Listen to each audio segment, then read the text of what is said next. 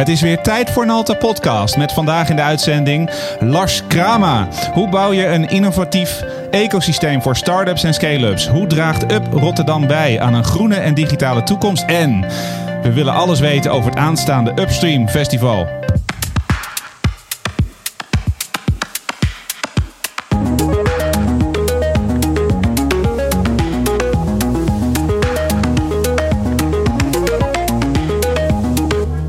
Dit is Nalta Podcast, aflevering 39. Opgenomen op vrijdag 4 september 2020. Upstream Festival.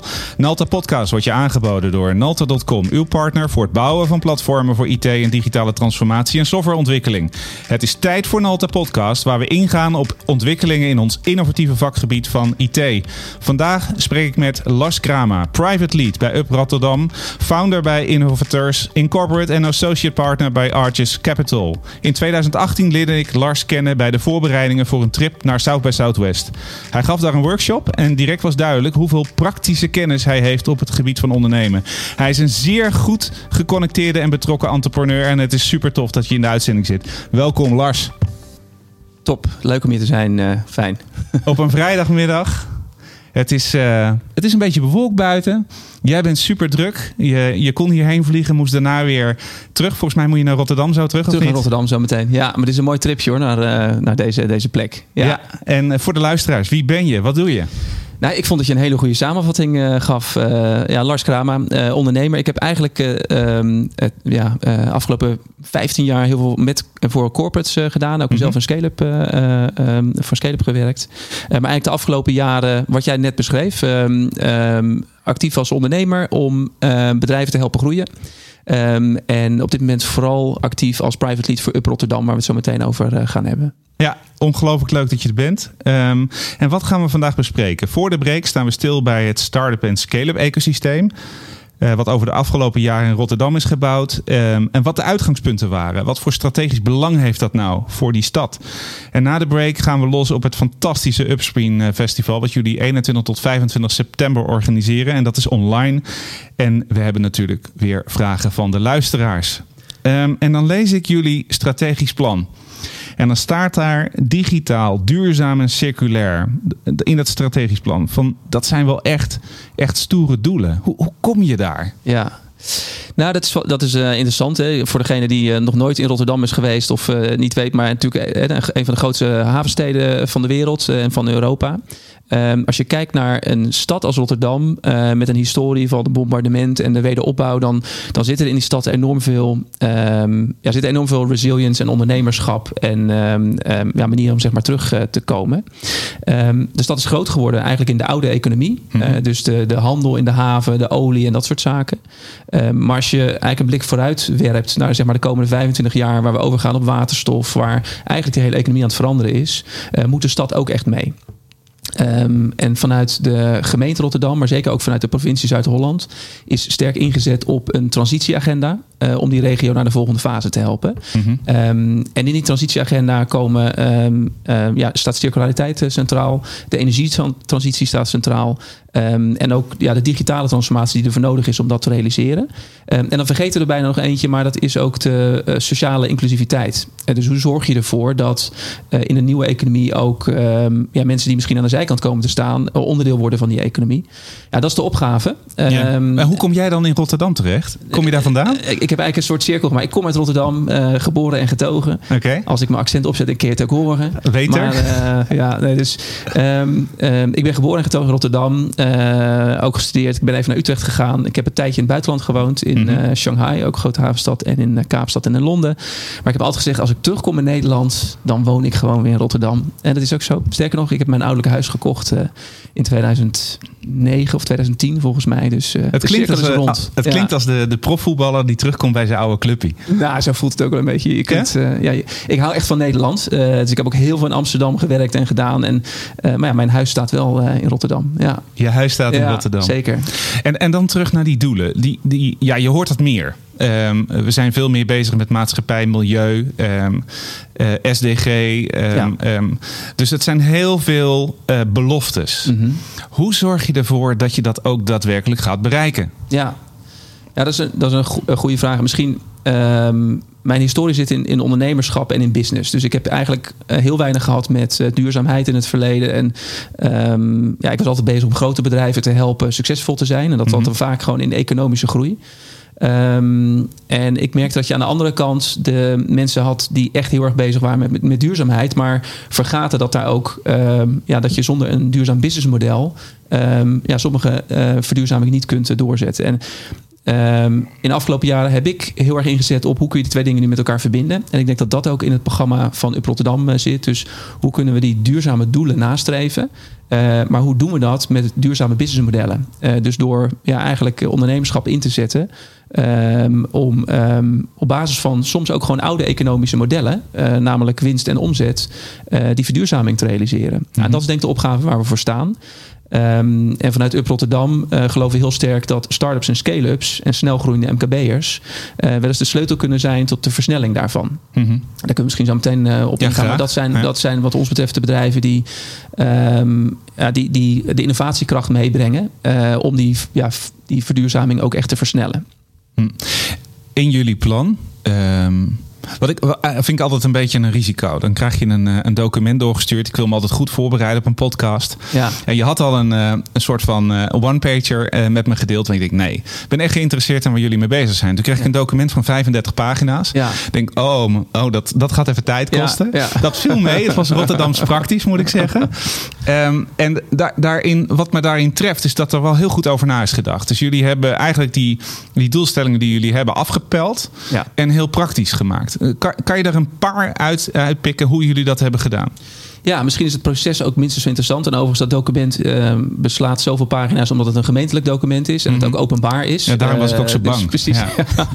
Ja. um, um, misschien is het goed om te vermelden: Up Rotterdam is een publiek-private samenwerking. Mm -hmm. uh, want als je ook hebt over het behalen van die doelstellingen, um, ja, geloven er ook sterk in dat je dit soort grote initiatieven vooral kunt bereiken als je uh, ja, private partijen combineert met de kracht van de publieke partijen. Mm -hmm. En, en je vraag was: hoe maak je dat dan praktisch? En, en, concreet. Nou, ja. Het is een vierjarig plan. Dus dat wil ook zeggen dat we uh, over vier jaar een, een, aantal doelstellingen en ook KPI's hebben geformuleerd om het ecosysteem te versterken. Mm -hmm. we hebben als, als strategische leidraad hebben we die, die transitiethema's gekozen. Dat digitaal, circulair en energietransitie.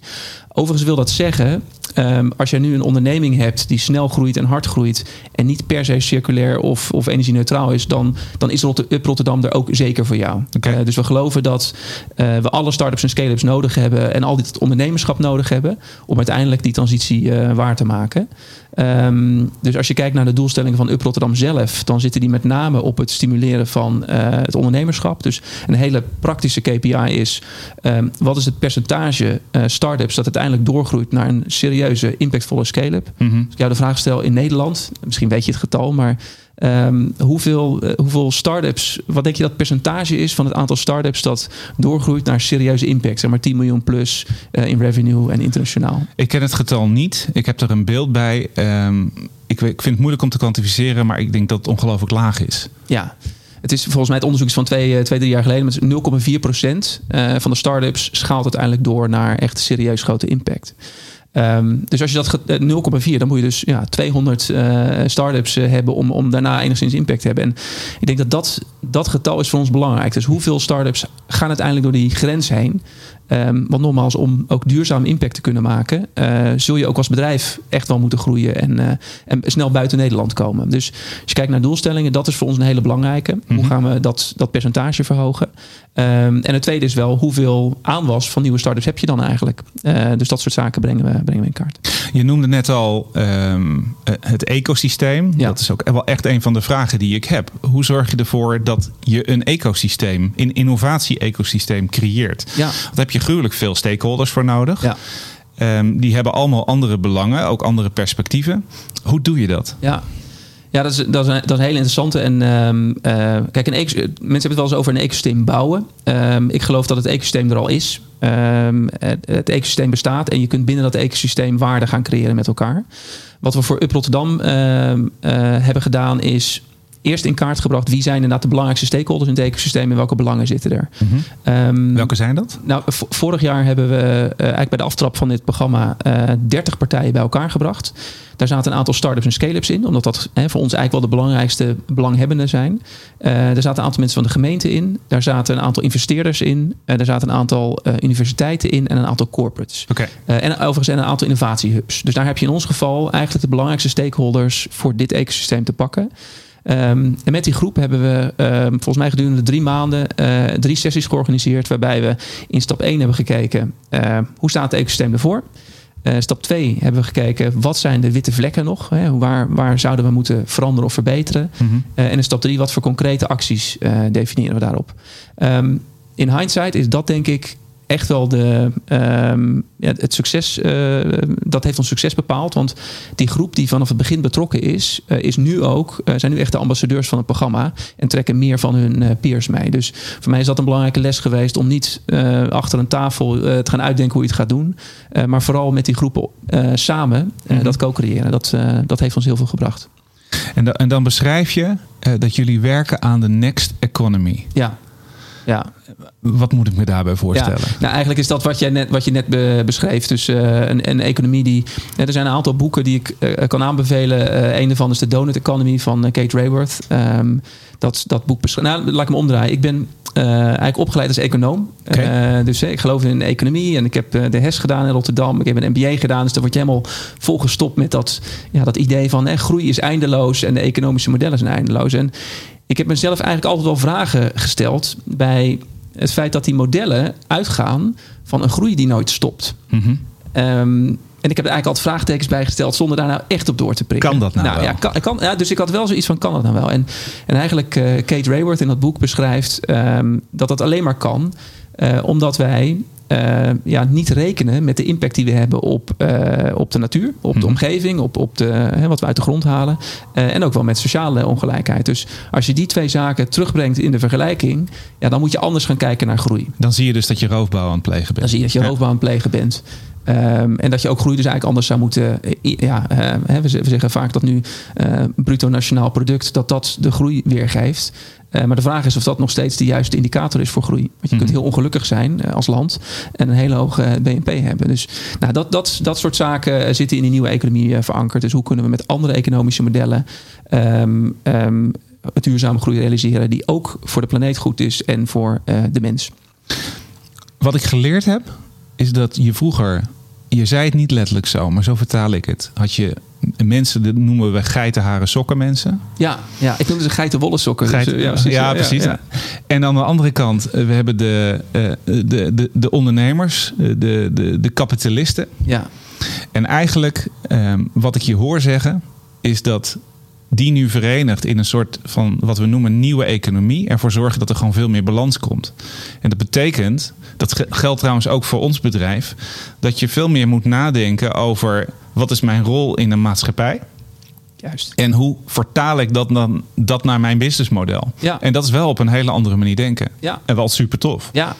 Ja, en ik denk dat, nou, zeker ook voor, voor jullie organisatie, dat ehm, voor mij zijn de bedrijven van de toekomst, de bedrijven die daar nu al mee bezig zijn, eh, over nadenken en eh, het liefst ook al actief mee bezig zijn. Niet in de laatste plaats, omdat ik ook denk dat eh, het talent dat nu ehm, ja, klaar staat om te gaan werken, op een hele andere manier kijkt naar wat bedrijven doen. Mhm. Ehm, volgens mij, ik zei net, talent is een hele belangrijke doelgroep bij ons in het ecosysteem. En als je van studenten hoort waar ze nu naar op zoek zijn.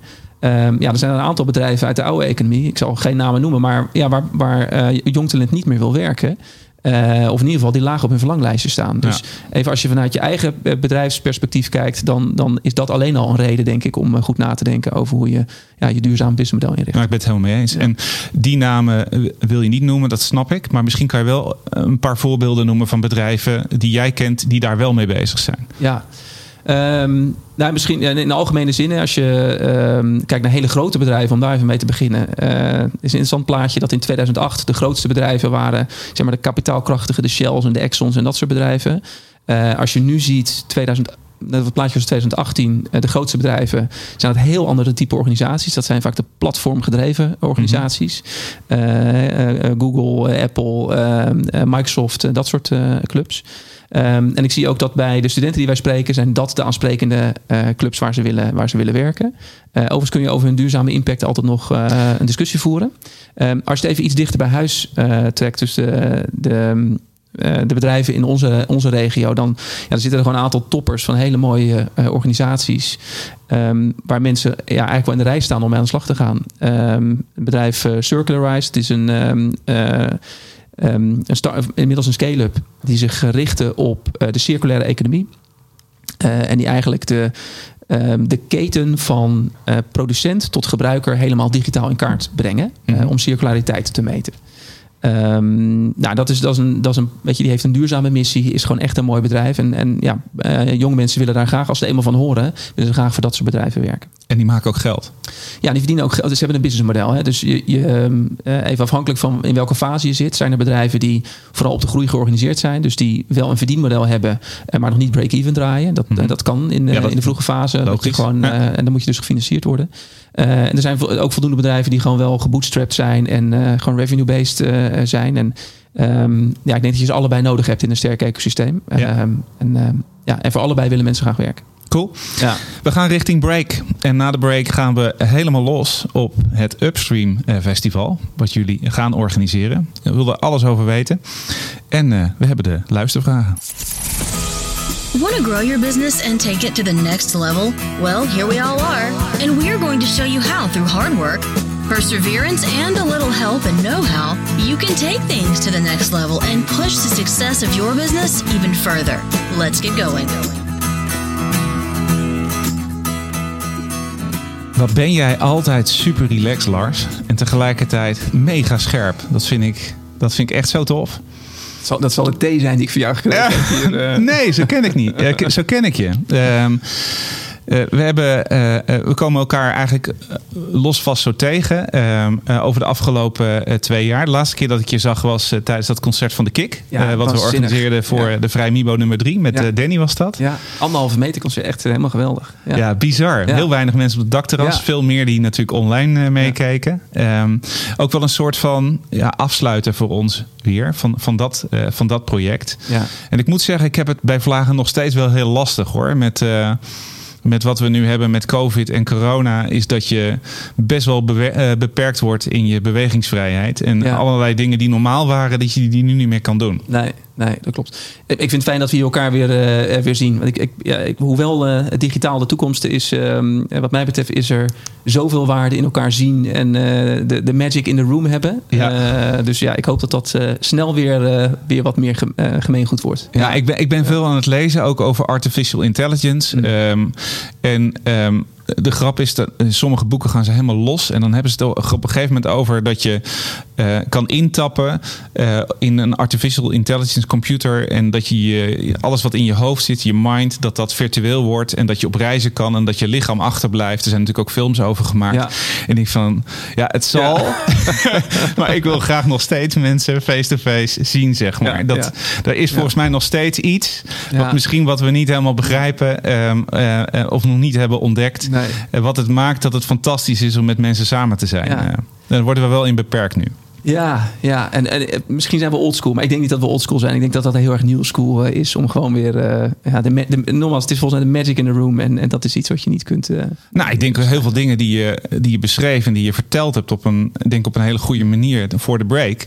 Dat we teruggaan weer naar oude waarden en normen. Um, dus dat het eerder is dat we, dat we terug gaan kijken. Of tenminste dingen die, die we vroeger deden, nu op een andere manier interpreteren. Maar dat we daar wel naar terug gaan. Ja. Nou, dat is, dat is wel een interessant haakje. Want um, een van de dingen die ik, uh, waar ik erg trots op ben, is dat ik uh, twee jaar gewerkt heb aan uh, Blue City in Rotterdam. En eigenlijk het oude Tropicana zwembad, voor degenen die daar een beetje bekend zijn, omgebouwd tot een circulaire incubator.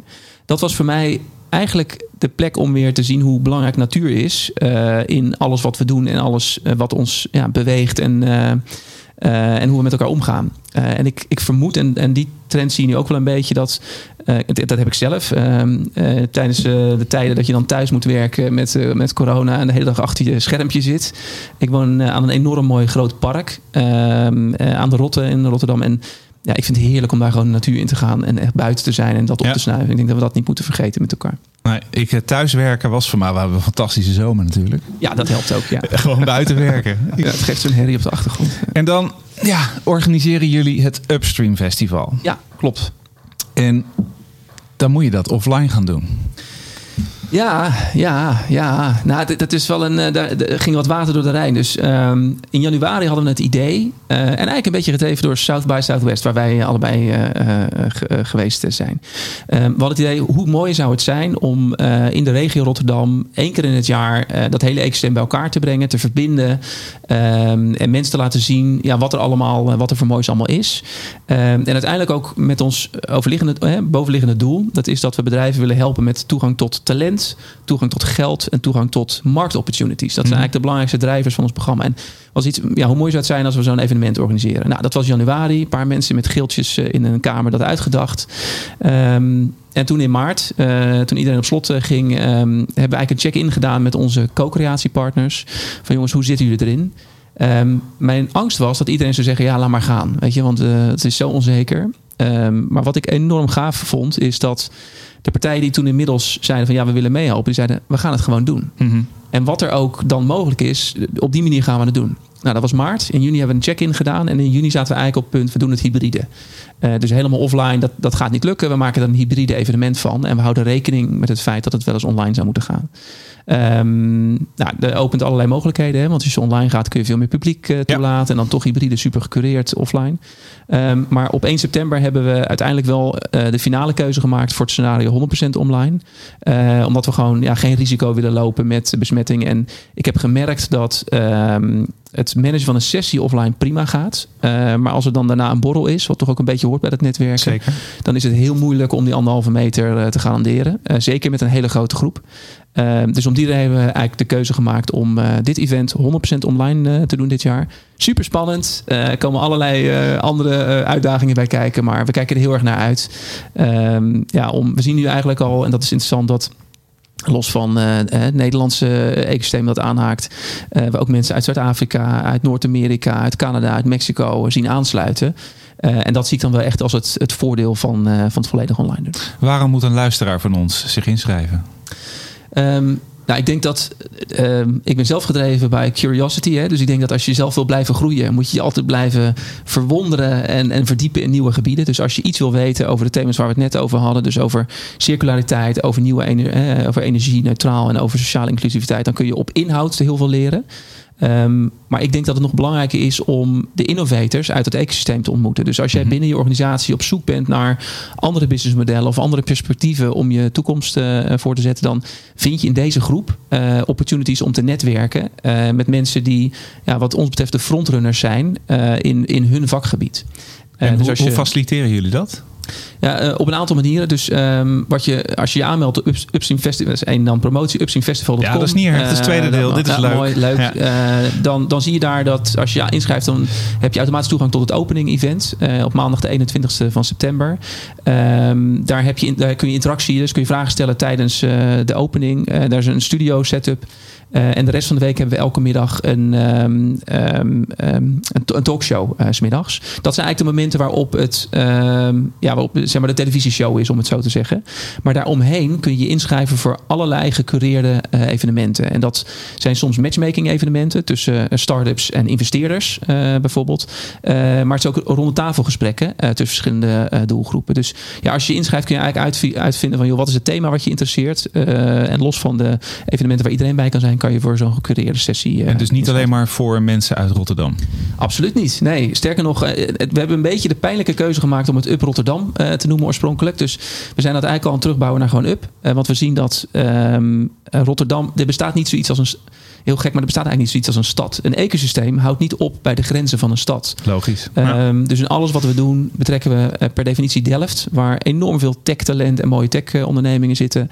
Den Haag is aangehaakt en ook Schiedam. Dus ook dit festival wordt georganiseerd door Rotterdam, Delft, Schiedam en Den Haag samen. Ehm, eh, en het is open voor iedereen, dus het is voor heel Nederland open. TechLeap is ook betrokken, de Nederlandse Cool. start-up eh, partij die zich richt op scale-ups. Ja, komen ook. Dus die, sp- die spreken ook daar bij de opening. Constantijn van Oranje is bij de opening. Super we hebben ook in de talkshows hem betrokken. Ja. Om dit af te sluiten en richting uh, de luisteraars vragen te gaan. Ja, leuk. Een paar highlights, een paar toffe sprekers die je kunt delen. Ja, wat ik, wat ik heel gaaf... Nou goed, een van onze lokale helden, uh, Tim van Hard Hyperloop. Uh, Delftse ondernemer die, ja, denk ik wel de, de bold challenge heeft opgepakt om die Hyperloop neer te zetten. Elon Musk avontuur, Ja, toch? eigenlijk het Elon Musk avontuur die vertelt over zijn verhaal. we hebben Michiel Muller, natuurlijk een enorm gedreven ondernemer die al meerdere keren heeft laten zien hoe je een bedrijf bouwt. die, die zal spreken. maar ook internationale gasten eh, van Patagonia. Een bedrijf dat ja. natuurlijk enorm inzet op duurzaamheid. En daarmee eigenlijk een concurrerend eh, voordeel heeft. Uh, dus ja, echt, het, ik, ik, de lijst uh, eindigt niet, zeg maar. Dus er zijn inspirerende sprekers. En, en daarbij, ik denk dat je vooral moet gebruik maken van de netwerkopportunities. Om ook mensen te vinden waar je zelf naar op zoek bent. Even los van die mooie sprekers. Nou, de, de promo is voorbij. Nou, kijk. Maar ik denk dat het wel belangrijk is dat we daar wat langer bij stilstaan. Want het is een unieke mogelijkheid ook in deze tijd van corona om te netwerken. Eens. En um, ik zorg dat de link in de, in de show notes staan. En allemaal klikken en registreren. Is het gratis trouwens? Super. Ja, deze editie is uh, gratis. Uh, dus nou. eigenlijk waar je mee betaalt is de, je LinkedIn-inschrijving. Dus uh, je schrijft in je met data. LinkedIn en daarmee... Ah. Ja, de, je data. Da nou, dat is, de reden overigens dat we dat doen is... Um, kijk, we noemen het nu een festival. maar we hebben gezien dat dat ecosysteem eigenlijk het hele jaar door... met elkaar wil netwerken en wil delen. En, en dat gebruik je LinkedIn voor. Waarom ja. we gewoon LinkedIn gebruiken. Ja. Oké, okay. nou, we gaan naar ons vaste blokje. Um, en... Dat zijn de, de vragen. En ik heb er, ik heb er uh, uh, heel veel. Van drie personen. En um, ik heb er al een paar ook zelf behandeld. Want ja, daar was ik gewoon al direct nieuwsgierig naar. Maar de eerste is uh, van, van Danny. En die vraagt onder andere: Is Upstream het nieuwe Next Web van Rotterdam? nou, zal ik je. Nee, weet je waarom niet? Ik vind namelijk dat we uh, niet Rotterdam, Amsterdam moeten denken. Ik denk dat we Nederland moeten denken, uh, dat eerst. Um, ik ga graag zelf naar de Next Web. Ik ga ook graag naar uh, Web Summit. ik denk dat Upstream het nieuwe event is voor Sustainable Growth. Uh, van de wereld. Dat is wat we willen, willen bereiken. Dus uh, deze eerste editie bouwt ook op naar uh, een veel groter evenement met nog meer impact. sterker nog, onze groeiplannen gaan door naar 2024. en dan past dat prima naast elkaar. Dus in die zin is het antwoord op Dennis' vraag... ja, het is het Next Web van Rotterdam, maar op een heel ander thema. Het is gewoon de, de next, next Web. Ja, het is de Next Next Web. Ja, zeker. En dan op, op Sustainable Growth. Dus we zetten heel erg in op hoe kun je duurzaam business laten groeien. Nou, dus dan kan je super onderscheiden. Ja, ja. ja. De volgende vraag is van Elina. Zij werkt bij 24-7 Workspace, ja. zo heet dat toch? Waar ook dat, 42. Uh, ja. 42, ja, ja. Ik kan het gewoon niet onthouden. Ja. Een beetje, de, ik, ik vond het een beetje overkomen en, en zijn uh, uh, op zijn eigen unieke manier als de B-Building in Amsterdam. Waar wij ook een tijdje hebben gezeten. Echt, echt tof. Mooie, mooie plek ook in de stad Rotterdam. Ja. En um, um, zij vraagt eigenlijk, en dat is meer een persoonlijke vraag aan jou. Hoe zorg je ervoor dat je zo goed geconnecteerd bent? Hoe zorg je ervoor dat je altijd zo aan het netwerken bent? En dat je zoveel mensen kent? Ja, uh, poeh, dat is een hele goede vraag. Nou, dat is wel grappig dat zij die vraag stelt. Want um, ik, ik, denk dat ik dat van nature altijd al deed. Ook in het verleden altijd business development rollen gehad. Dus dan, ja, ik, ik leef op nieuwe inzichten. Volgens mij net als jij. Hè? Dus ex exploren, curiosity, leren. Uh, en dat leren brengt me altijd op nieuwe plekken. Uh, dus het zit wel echt in mijn, in mijn systeem. Um, maar ik organiseer het ook wel. Dus... Um, 42 Workspace is een goed voorbeeld. We hebben met het team van Up Rotterdam gezegd: ja, we kunnen nu wel in een ivoren toren ergens bij de gemeente gaan zitten. Um, maar hoe mooi zou het zijn als we in het netwerk uh, ons kantoor hebben? Dus we hebben aan het ecosysteem gevraagd: willen jullie ons huisvesten? En we verhuizen dus met het hele team uh, iedere vier maanden uh, van office. Dus we zijn begonnen bij ECE, het uh, Erasmus Center of Entrepreneurship. We hebben vier maanden gewoond in CIC naast Rotterdam Centraal. En okay. we wonen nu vier maanden in 42 Workspace met dank. en we zoeken nog de volgende locatie. Dus mocht iemand. nee, dus we vragen echt het ecosysteem van huisvesten ons. En daarmee hebben we automatisch connecties in dat ecosysteem. zie je elkaar face-to-face en leer je nieuwe mensen kennen. Ja. Laatste vraag is van. Uh, ik denk dat ze hier trouwens wat aan heeft. Uh, want ze gaf aan dat ze, zij daar moeite mee heeft. Okay. Um, ze komt ook uit het buitenland. Dus dat ja. is misschien nog wat extra lastig om ja. dan hier je, je, weg te vinden. Ja. Maar ik merk het ook wel aan heel veel uh, jongeren. Um, van ja, hoe moet ik me nou manifesteren? En hoe ga ik nou die linkjes leggen? En als ik naar een receptie ga, hoe zorg ik ervoor dat ik in gesprek raak? En ik denk juist in deze tijd van corona dat ze die hebben het echt zwaar. Want wij hebben al een netwerk en zij niet. Nou, de beste tip die ik ooit heb gekregen. Ik, ik, toen ik uh, dacht van ik wil gaan ondernemen, um, heb ik een, uh, zei iemand tegen mij: Weet je wat jij zou moeten doen? Je moet elke week een kopje koffie drinken met iemand die je nog nooit gesproken hebt, die over dat onderwerp iets weet. Mm -hmm. um, en dat klinkt heel suf. Ehm, maar je zou er versteld van staan hoe graag mensen een half uurtje tijd maken om met jou een kop koffie te drinken, om jou iets mee te geven. Zeker mensen die heel ervaren zijn en al veel verder zijn dan als jij, die ja, toch graag hun uh, inzicht willen delen. Dat is voor mij toen. Ik heb toen letterlijk volgens mij meer dan 50 kopjes koffies gedronken. om zeker te weten, weten dat ik niet wilde gaan ondernemen. En toch ben ik het gaan doen. En luister, hij zit nu, nu, aan de thee. Dus die koffie heb je niet meer nodig. ik heb gisteren heb ik een anderhalf uur um, een, een, workshop ondersteund voor Windesheim College in, in Almere. Oh, leuk. En dat is een opleiding ondernemen. Ik wist niet eens dat het bestond. Ja. Um, waar ze in twee jaar worden, worden klaargestoomd in de basisbeginselen van hoe zet je nou een onderneming op. En dit was een design sprint sessie die normaal een, een dag of een week zou duren. Hadden ze in een, week, uh, in een, in een dag gedrukt. Ja. En anderhalf uur daarvan heb ik gecoacht op uh, het onderwerp. Uh, wat is nou je probleem? Um, okay. En hoe bouw je een journey, een customer journey? En Gaaf. hoe doe je een pitch? En ik had vier studenten en dat is echt super leuk, moet ik zeggen. Ja. En dan realiseer je weer um, hoe, um, uh, hoeveel jaren, hoeveel vlieguren je eigenlijk Precies. hebt.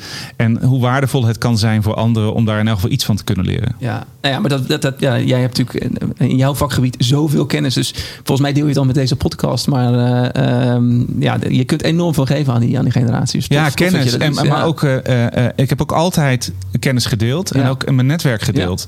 Ben er nooit op eh, in IT was het heel gebruikelijk om eh, op, op je eh, gouden eieren te zitten. En dat vooral niet te verlaten. Ja.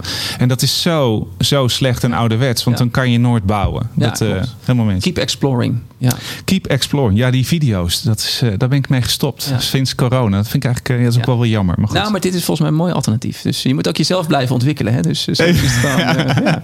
We gaan door naar de laatste vraag. Sander van Lingen. Ehm, hij had er een aantal. en Ik wilde één uitlichten. En dat is ja, misschien al wel enigszins geraakt. Maar hoe helpt UP? Hoe werken ze samen met gemeenten en bedrijven om dat te realiseren voor scale-ups? Misschien dat je daar nog iets meer detail kan geven. Uh, ik zei net al heel voorzichtig uh, dat we eigenlijk drie belangrijke thema's uh, hebben. We hebben in eerste instantie gewoon gevraagd aan ondernemers: wat zijn jouw grootste uitdagingen als het gaat om groei? Um, en dan komen er drie thema's naar voren. Um, en het grappige is, elke CEO van een bedrijf met meer dan 10 medewerkers, als ik hem vraag wat is je grootste uitdaging, even los van de corona, want dat heeft wel wat dingen veranderd, maar dan was het eigenlijk altijd talent. Mm-hmm. Die eerste 10 mensen weet je vrij makkelijk uit je netwerk uh, te vinden, maar hoe groei je nou een bedrijf van 10 naar 50, van 50 naar 300? Dus um, uh, talent is het eerste waar we op inzetten en daar richten we allerlei uh, concrete acties op in. We zijn op dit moment bezig met, gisteren hadden we een roundtable met CEO's over recruitment in, in corona, na corona. Um, maar daar zetten we nu ook binnenkort een campagne op in. Talent is één. Uh, de tweede is access to markets. Um, dus we helpen uh, bedrijven met het sneller toegang krijgen tot corporates binnen Nederland. Hè? Dus hoe kun je jouw scale-up sneller als je B2B-propositie hebt verkopen aan corporates. Maar ook uh, naar welke internationale missies kun je mee. dus daar helpen we heel concreet en praktisch scale-ups mee. En de derde gaat over kapitaal. Voor vroege fase bedrijven zijn we vooral bezig om inzichtelijk te maken waar je moet zijn voor welke fase van financiering. Um, want dat is best wel een oerwoud. Uh, dus daar willen we heel graag helpen om de juiste plekken te vinden. Dus we mm-hmm. verbinden vooral. Um, en voor de wat later stage um, zijn we veel meer één op één aan het matchen. Dus we, op dit moment zijn we 30 scale-ups aan het matchen met grote Amerikaanse investeerders. Om in volgende ronde mee te doen. Dus ja, dat zijn een aantal van de praktische voorbeelden. Ik denk dat hij uh, meer dan antwoord heeft op zijn vraag. Wat ja. zijn we door de tijd gevlogen? Ja, ging snel. Leuk.